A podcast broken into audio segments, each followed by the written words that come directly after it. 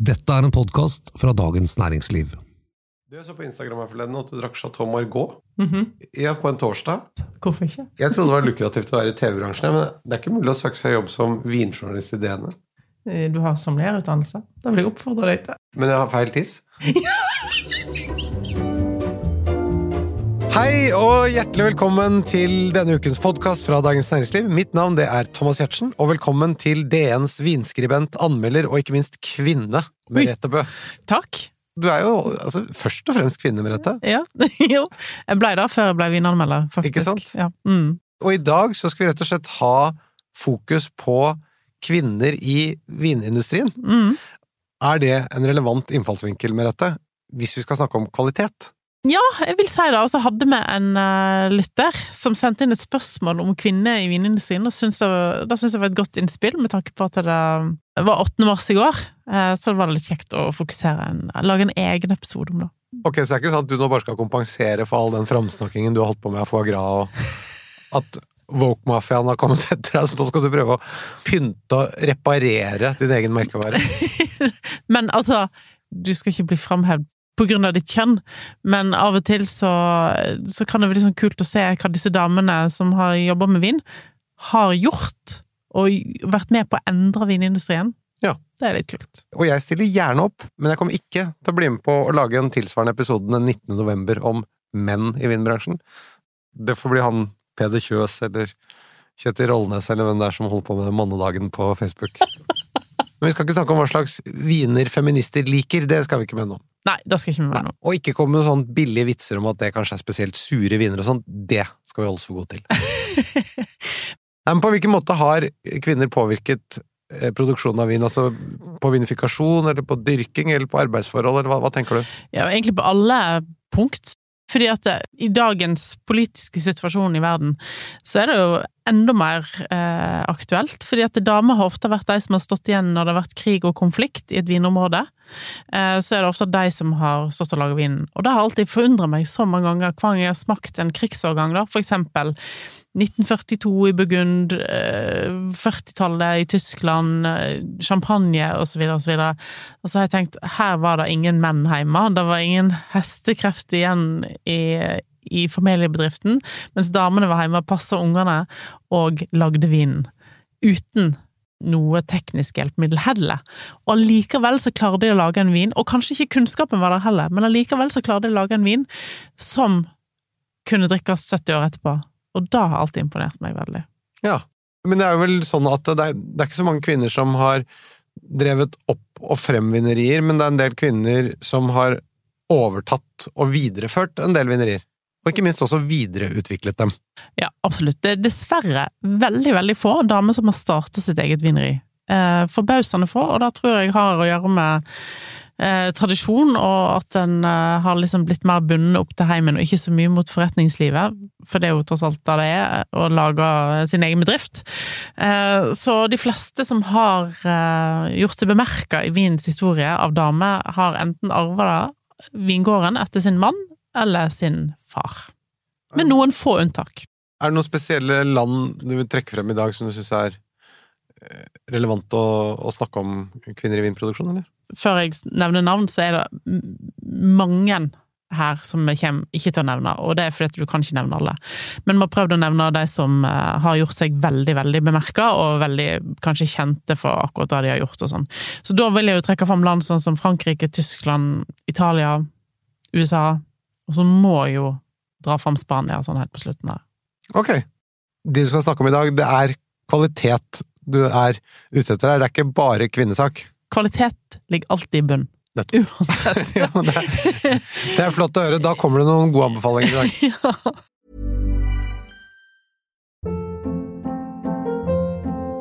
Hold up. What was that? Boring. No flavor. That was as bad as those leftovers you ate all week. Kiki Palmer here, and it's time to say hello to something fresh and guilt-free. Hello Fresh. Jazz up dinner with pecan-crusted chicken or garlic butter shrimp scampi. Now that's music to my mouth. Hello Fresh. Let's get this dinner party started. Discover all the delicious possibilities at hellofresh.com.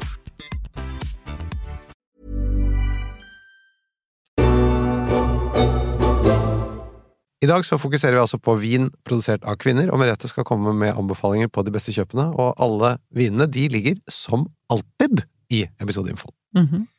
Jeg tenkte vi kunne starte med de historiske produsentene. Hvem er det vi trekker frem da? eh, først og fremst eh, Madame Clicquot. Altså Veuve Clicquot fra Champagne? Ja, og du vet hva Veuve betyr? Nei. enke, klikå. Oh, ja, ja, Altså, hun ja, ja, heter- Gul så- enke. Ja, sant. Men er vøv betyr altså, Vøv kom til etter hun ble enke. Hun gifta seg med en champagneprodusent. Nå var 21 år gammel, og ble enka bare noen år etterpå. Hun tror hun var 27 år da hun ble enka. Ja. Madame Clicquot overtok da eh, firmaet som mannen hadde bygd opp, og eh, ble ganske berømt. For hun var ganske kløktig og klarte å drive business. Altså, dette var i 1805, og i 1805 som var midt under napoleonskrigene, og ting var ganske det var ganske vanskelig, det var veldig mye sånn handelsblokade mot Frankrike. eh, Så det var ganske vanskelig å få solgt champagnen sin. Selv om alle ville ha den, så var det vanskelig å få den ut av landet. Så hun klarte å både bestikke disse her eh, Både vakter og hærer, og fikk eh, champagnen sin hele veien til Russland. Til tsaren, som ble en veldig god kunde av Klikå. Det er ikke så lenge siden Putin var ute og sa at champagne Det var bare viner som var lagd i Russland som kunne hete champagne. Ja. En ganske sånn konseptuell ko-ko påstand. Ja, eh, det er mye som er konseptuelt koko i hans sfære, men eh, de lager jo veldig mye musserende vin i, eh, Russland. Men vi gikk ikke å snakke om han her i dag. Det er jo dessuten kvinnedagen, så hva var det hun gjorde?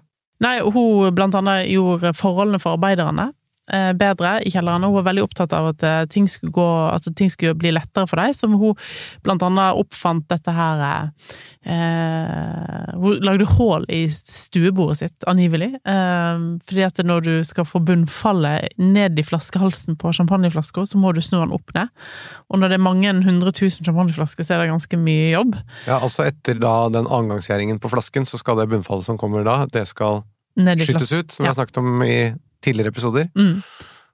Og da eh, lagde hun da hull i, i stovebordet sitt og sette det opp langs en vegg, og lagde da et pupitre. Altså som et sånn stativ, da. til Som du setter flasken inn i, og så sakte, men sikkert så tilter de i mer og mer eh, loddrett posisjon. Ja. Og da kommer det bunnfallet ned i tuppen. Mm. Og det var hun som lagde det, første versjonen av det Ja. stativet. Ja. Nettopp. Det er mange ting hun har vært først eh, ute med, og jeg tror òg at hun var først som lagde en rosé-sjampanje. Jeg er litt usikker på det, men jeg tror hun var, i hvert fall Veuve var først ute med det. Um, og hun drev da firmaet i 60 år før hun um, la på røret, og ble veldig berømt. Fikk til og med sitt eget navn på etiketten. Og et århundre seinere så kom Lilly Bollinger, eh, som da òg ble enka etter sin mann i 41, midt under andre verdenskrig. Sikkert ikke veldig lett å overta et champagnehus i 1941 liggende i en liten landsby som heter Ai. Eh, Men hun eh, satt ikke med beina i kross, så hun fikk gjort ekstremt masse. Hun lagde blant annet en veldig berømt kuvé fra Bollinger som heter RD, Recently Disgorged. Ja. Eh, som er da en vin som lagrer veldig lenge på bunnfallet, og så blir han eh, degosjert, da. Der Madame Clicquot skjøt ut den, det bunnfallet, så ligger den her veldig lenge med bunnfallet. Mye lenger enn det som er vanlig Som gir en helt annen smak. Ja. Og, ja. Og det var hun som fant opp den kuveen. og det var òg hun som lagde um, eh, Bollingers berømte og veldig veldig sjeldne champagne som heter Vieille Vin Francaise, som er da gamle vinstokker som aldri har vært poda om på amerikanske vinstokker, som var da på den tid tre innmurte vinmarker, for de har aldri blitt angrepet av eh, lusen phylloxera. Og hun lagde da den første kuveen i 1969 av den. Og den lages fortsatt. Den lages fortsatt. Nå er det vel bare én vinmark igjen, og vinstokkene er tilbake igjen til 1500-tallet. Hvor mange flasker blir det hvert år? Jeg tror det er sånn 3000 flasker. Kommer det noen til Norge? Å ja. Og det gjør Jeg har nettopp fått tak i 2008, den skal du få smake om en måned. Oi, oi, oi! Å, herregud. Ja, det blir gøy. Men den, jeg tror det kom tolv flasker til Norge, eller noe sånt. Så, mm.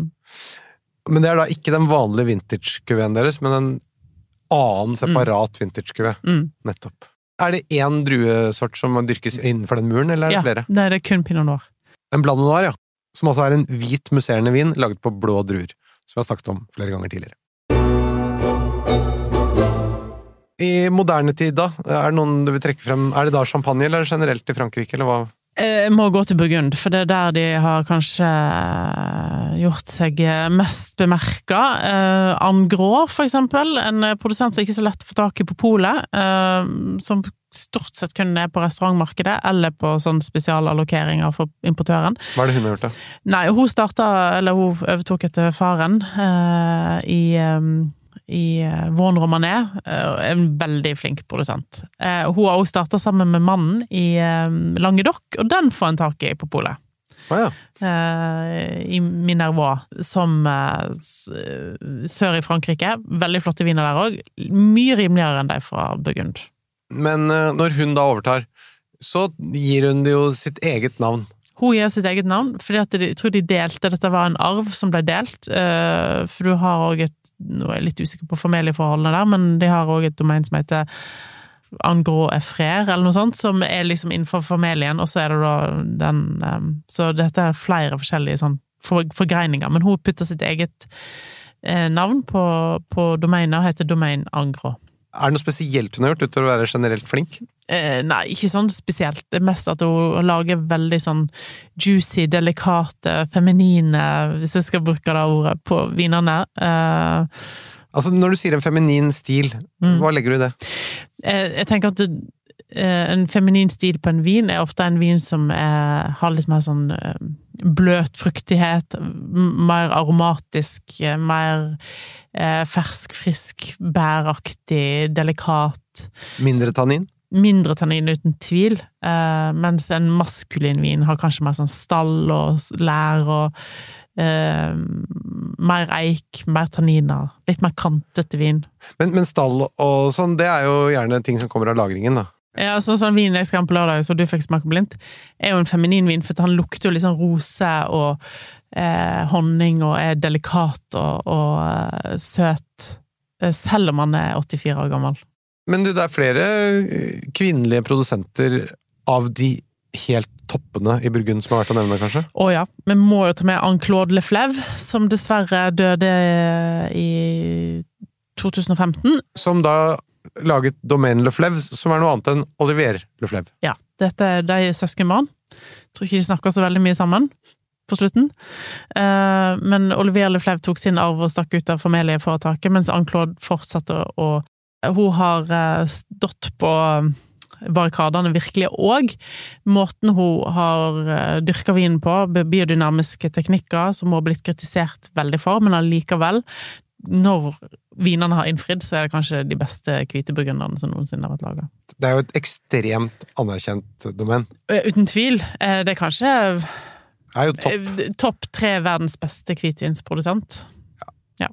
Og også litt gøy at hun dyrker da biodynamisk, altså på Rudolf Steiners Ja, hun har vært en av de som har stått på barrikadene òg, og som vil at det Og får få vist henne til og med en egen skole i Puleni, som lærer opp andre vinmarker til å gjøre det samme. Men dette er jo ikke noe som står på etiketten, Nei, nei. så det er Nei, ikke noe de promoterer. Dette er veldig måten? subtilt. Dette er veldig sånn Enten så vet du det, eller så vet du det ikke. Og det er jo vanvittig dyre viner. Ja, de blir sluppet eh, stort sett én gang i året. På polet kanskje to av og til. Eh, I form av eh, polet sitt burgundslipp. Og da forsvinner de jo ut. Ja, hvor lang tid tok det? Fem minutter sist?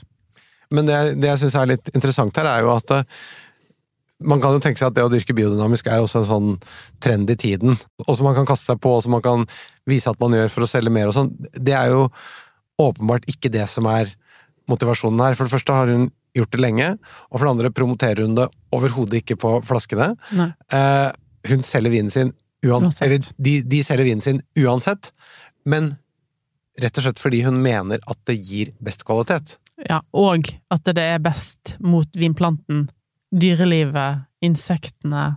På alle måter så mente hun at det var det beste, og det er det jo flere andre eh, vinmakere i Burgund, ganske mange faktisk, som gjør. Etter hvert. Ja. Det er jo et interessant poeng å ta med seg. Det er jo mange der ute som liker å gjøre narr av biodynamisk landbruk. Absolutt, og kanskje hun som var enda tidligere ute enn Anne-Claude, var jo Lalou Bisleroy, som eh, familien eier da Domaine de la Romane Conti, eh, deleier der. Eh, så hun eh, starta jo for seg sjøl, før hun ble kasta ut av Romane Conti. Så fikk hun noen investorer med seg, eh, og starta da sitt eget domain, eh, som, eh, som ligger i Von Romané. Og som kanskje lager enda dyrere vin enn Romane Conti gjør i dag. Er det sant? Det er to forskjellige greiner her òg. Det er noe som heter Maison Leroy. Det er ikke så dyrt. Ikke så bra heller, for det er innkjøpt materiale. Altså Også, druer. Drue eller druejus. Mm. Eh, og så er det da altså eh, Domain Leroy som prisene har gått i taket de siste årene. Og som da hun lager og dyrker biodynamisk Ja. selv. Og hun er jo ja, i hvert fall bikka 85, tror jeg. Så at, Og hun ja, er jo en spreking fortsatt, men allikevel. Det begrenser seg jo hvor lenge hun skal drive på. Italia. Hvilke produsenter vil du trekke frem der? Nei, altså det her er det veldig mange. Eh, vi har snakket om Adriana Okepinti for noen podder siden. Hun er jo faktisk en av de få som har startet opp helt for seg sjøl. På Sicilia, eh, Sørøst-Sicilia, og eh, lager strålende viner. Eh, og veldig naturlig. Uh, kanskje ikke akkurat biodynamisk prinsipp, det er jeg faktisk litt usikker på, men så naturlig som mulig. Uh, og så hadde vi jo besøk av Gaia Gaia i podden for uh, et år siden nesten, eller noe sånt. Og hun har jo overtatt etter faren, Angelo Gaia, i Piemonte i Barbaresco. Faren er jo en legende i vinverden. Han er en legende, og jeg tipper nok at hun kommer til å bli en legende òg. Jeg syns det var veldig interessant å snakke med henne, fordi faren kom jo da fra Piemonte og gjorde jo et opprør mot sine forfedre og mot alle tradisjonene, og på en måte revolusjonerte jo eh, vinproduksjonen i Barbaresco og Piemonte. Mm. eh, og gjorde det på sin måte. Og nå har jo han da overlatt dette, eller er i ferd med å overlate hele vineriet til barna, og da datteren. Mm. Og da var det jo veldig interessant å snakke med henne om han aksepterer at den nye generasjonen skal få definere og bestemme selv. Mm. De som ikke har hørt på denne episoden, det var veldig gøy å snakke med henne. Og jeg mener for all del ikke her nå på upassende vis å framsnakke en mann, det var ikke det som var poenget. Jeg bare Ja. Det er henne, samtalen med henne, som var interessant. Det at Angelo Gaia revolusjonerte vinproduksjonen i Piemonte, det skulle faktisk bare mangle. Han var jo tross alt mann. Husker du når jeg sa at hva skjedde i 2013? For det var et eller annet som skjedde med 2013-årgangen. Det var liksom så Han var jo kjent, eller er jo kjent for sånn kraftige, liksom maskuline viner og litt mer moderne teknikker enn det som var vanlig i, eh, i Pimante. Og så kommer 2013-årgangen. Plutselig var det sånn florlett, delikat Har jo selvfølgelig litt med årgangsforskjell å gjøre òg, men det var et eller annet som skjedde seg. Og så så du at hun ble liksom endra ansiktsuttrykk og sa liksom Ja, det stemmer, da. Det husker jeg veldig godt. Det var jo en markant endring på de vinene. Mm, absolutt. Det er flere i Piemonte som du kan nevne, gå ut fra. Uh, ja da, Chiara Borskis i Barolo, uh, og du har jo Maria Therese Mascarello som ligger rett over gata. Chiara Borskis får det største taket på polet, Mascarello not so much. Begge de to har på en måte arva vingården etter faren, eller i hvert fall Mascarello. Mm, Chiara har jo liksom laga sin egen vei fra en familiegård som er ja, Ja, men der, der er det vel en deling, og så har jo hun fått sitt navn på etiketten. Hun har fått sitt navn på etiketten. Men det heter jo eh, Hva heter det for noe? Piri Figli Ja, Ja. Pira eh, Figli er det vel. Ja. Og så står det bare hennes navn på etiketten i Ja, tillegg. Ja. Mm. Men hun er kanskje den mest berømte sånn utad, da. Ja, ja, veldig, veldig profilert og Og fantastisk produsent å besøke, og ikke minst lage strålende viner. Og så har du jo eh, Rinaldi-søstrene, eh, med Martha i spissen, eh, fra Giuseppe Rinaldi, og vanskelige viner å få tak i. Dette er regna som kanskje det aller ypperste i hele Pimonte. Ja, ikonisk produsent. Ja. Men hvis en får tak i Rinaldi på et restaurantkart eller i en butikk i utlandet, så vil jeg absolutt Og pass på at det står Giuseppe Rinaldi, det var faren som døde for noen år siden. Men eh, det er ikke så dumt å gå for en eh, Bartolo Mascarello hvis du finner det heller. Nei, absolutt ikke. Og så har du jo for eksempel i Toskana, så er det jo dame bak Chianti-produsenten Castellin Villa. Eh, du har Sassicaia, som i dag drev av ja, en familie med en dame i spissen. Men der vil jeg spørre deg, vil du si at det er en spesielt feminin vinstil? Det har endra seg veldig. Har det det? Ja, Sassicaia er mye mer tilgjengelig, mye mer bløt og saftig og juicy i frukten enn hva den var. Det er godt med eik der, blant annet, er det ikke det? Det er jo det, men hvis du tenker Super-Toskana, hvis du tenker Soleia, da. Ja. Eh, Orna Leia som en som motpart, som egentlig er Dette er jo samme familien, bare langt uti, da. Antinori og, og eh, de som driver Sassicaia. Så er Sassicaia på den mest elegante siden, uten tvil. Og, og Sassicaia er en egen appellasjon, er det ikke det? Jo. Det er bare en appellasjon som deres familie lager Mm. vin i. Mm. Og det er en DOC. Men jeg mente å huske at det hadde fått Det hadde fått én bokstav til. Det har ikke det. Det har ikke det. Ik- Ikke ennå. Nei. Men det har gått fra IGT til DOC, da. Ja. Det har rykket opp en klasse. Og så har du Elisabetta Fordori òg, som må jeg nevne, for hun, er, hun har jo virkelig puttet en hel vinregion på kartet. Trentino Alto Adige oppe i Nord-Italia. Og hun òg arva etter faren vingården, men vingården ble egentlig ikke berømt før hun arva den. Hun putta um, et område som heter Troldego Rotaliano på, på kartet, og har virkelig dratt fram druen til Roldego til å bli noe som mange kjenner, men som ingen kjente før, kan jeg si. Men det er også et element av sånn personlighet, hvor mye disse produsentene dels følger eller ikke følger en, en tradisjon som har vært i familien, men også dels hvor mye de promoterer, og hvor mye de liksom liker å være rundt og ute og selge vinene sine og sånn. En produsent i, i Piemonte som også heter Rinaldi, nemlig Francesco Rinaldi, Mm, der er det jo en datter, mm, eh, eller to døtre, er det det? mm. som, som har tatt over eh, vineriet, og som jeg syns lager tidvis veldig gode viner, Mm. men som på en måte ikke gjør så mye ut av seg, eller lager så mye markedsføring, og dermed så glir de litt sånn under radaren. Det er ganske bra vin. Ja, og det, Scavino, for eksempel. Og Elisa Scavino er òg overtatt i Piemonte, er overtatt eh, eh, av noen døtre. Så, og i Piemonte har det virkelig Der tror jeg det nesten Jeg nesten Jeg kunne nevnt flere titalls. Brovia Ja, det er mange. Flere av disse har kvalitet som gjør at de kunne promotert seg mye sterkere, og sånn sett også fått eh, blitt mye mer kjent, da. Ja, uten tvil. Når vi først er inne på forskjell på kvinner og menn i tilnærming til vin, kan man si at det er en genetisk forskjell når det gjelder evnen til å lukte og smake vin? Uten tvil. Jo, men, Sorry. Jo, men jeg har tenkt på det. Ja. Veldig ofte kvinner fanger kjapt opp og er ganske presise når de lukter i et glass. Mm. Selv om de på en måte ikke er dreven eller lærde eller kan noe om vin, så klarer den mest utrente kvinnelige nesen å plukke ut ting som en eh, tilsvarende mann ikke hadde klart. Fins det noe forskning på dette? Er det noe genetisk, eller er det bare, har det med tilstedeværelse og fokus å gjøre? Det har eh, egentlig med evolusjon å gjøre, sånn som jeg har lært det. Eh, at eh, når det var ute og jakta, trengte ikke De trengte mer muskelkraft, og, og at andre sanser fungerte bedre enn akkurat lukt og smak. Mens damene var hjemme på kjøkkenet og var helt Hvis du var dårlig hvis du var dårlig på lukt og smak, og særlig lukt, så kunne jo hele familien stryke med av matforgiftning. Nettopp, det høres plausibelt ut. Jeg får naboen bort til meg og sier 'kan du lukte på den, dette kjøttet', 'kan du lukte på den'? Men her må man bare stole på seg selv. Eh, Fordi at de tør ikke etter det før jeg har lukta. Eh, Så ja, kan brukes til det òg.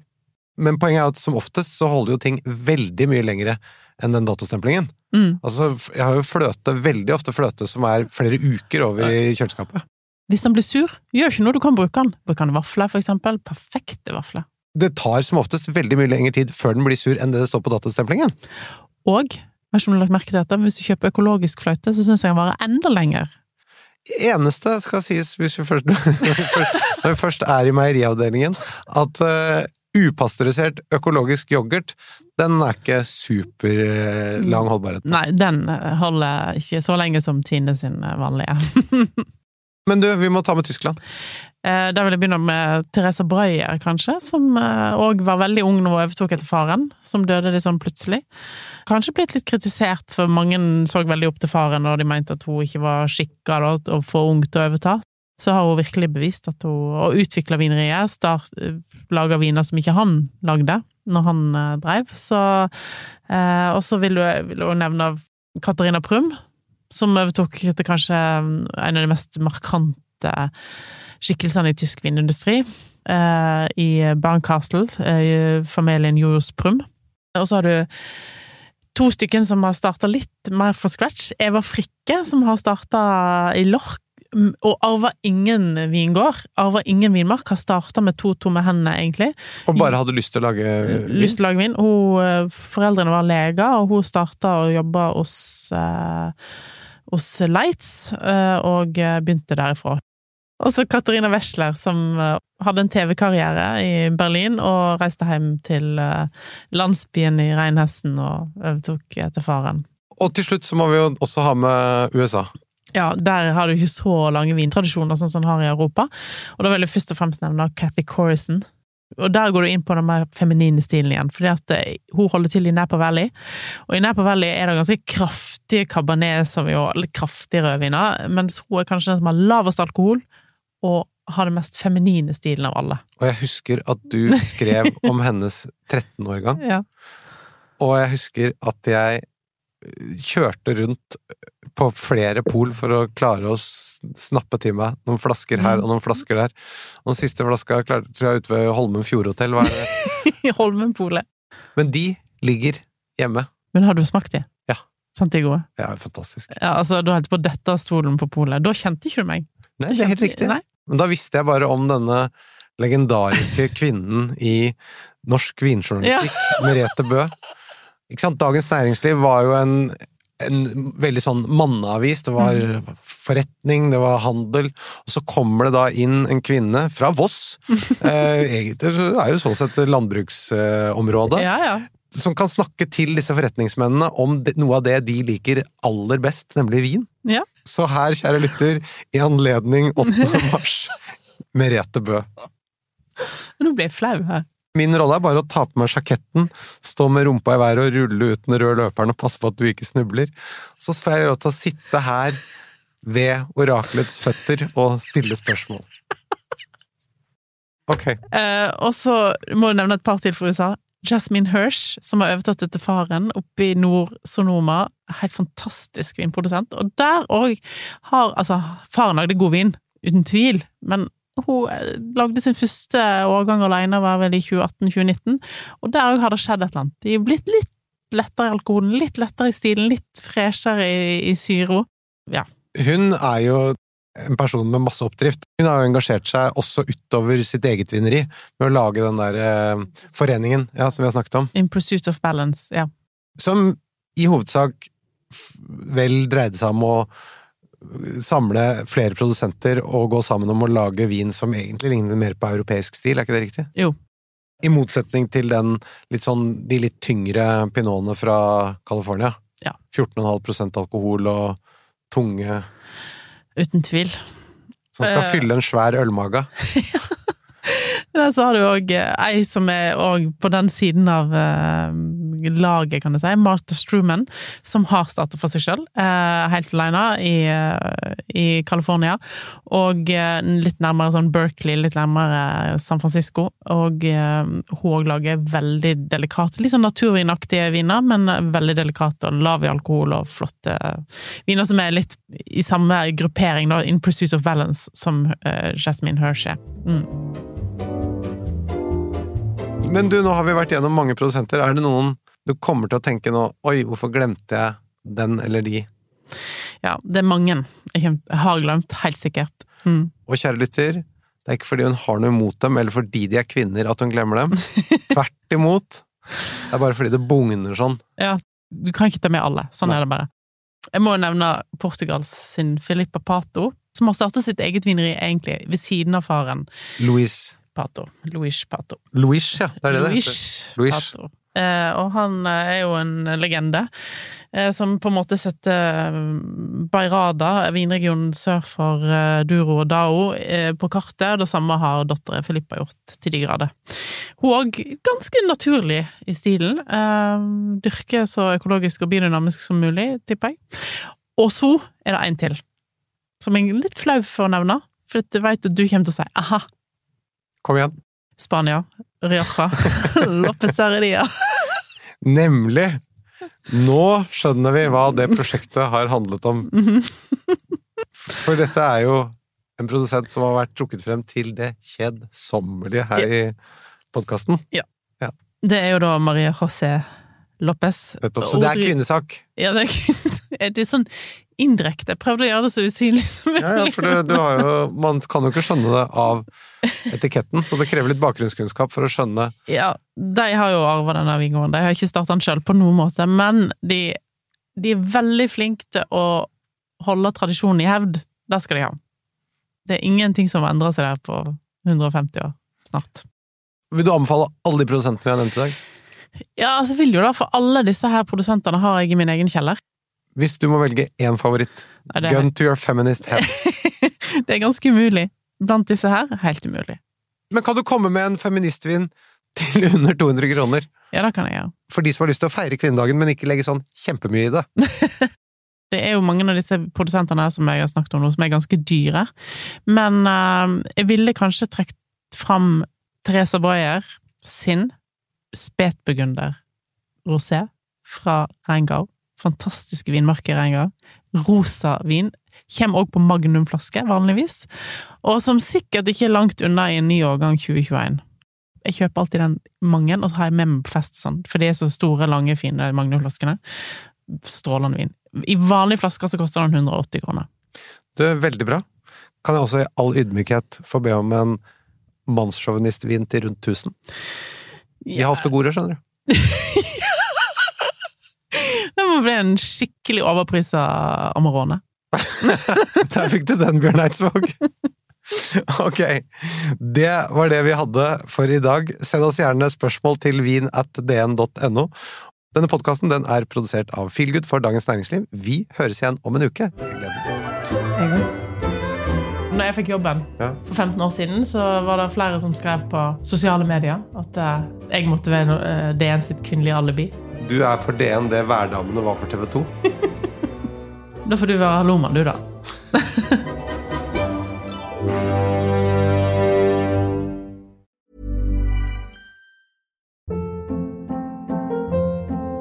Hold up. What was that? Boring. No flavor. That was as bad as those leftovers you ate all week. Kiki Palmer here, and it's time to say hello to something fresh and guilt-free. Hello Fresh. Jazz up dinner with pecan-crusted chicken or garlic butter shrimp scampi. Now that's music to my mouth. Hello Fresh. Let's get this dinner party started. Discover all the delicious possibilities at hellofresh.com. Du har nå hørt en podkast fra Dagens Næringsliv.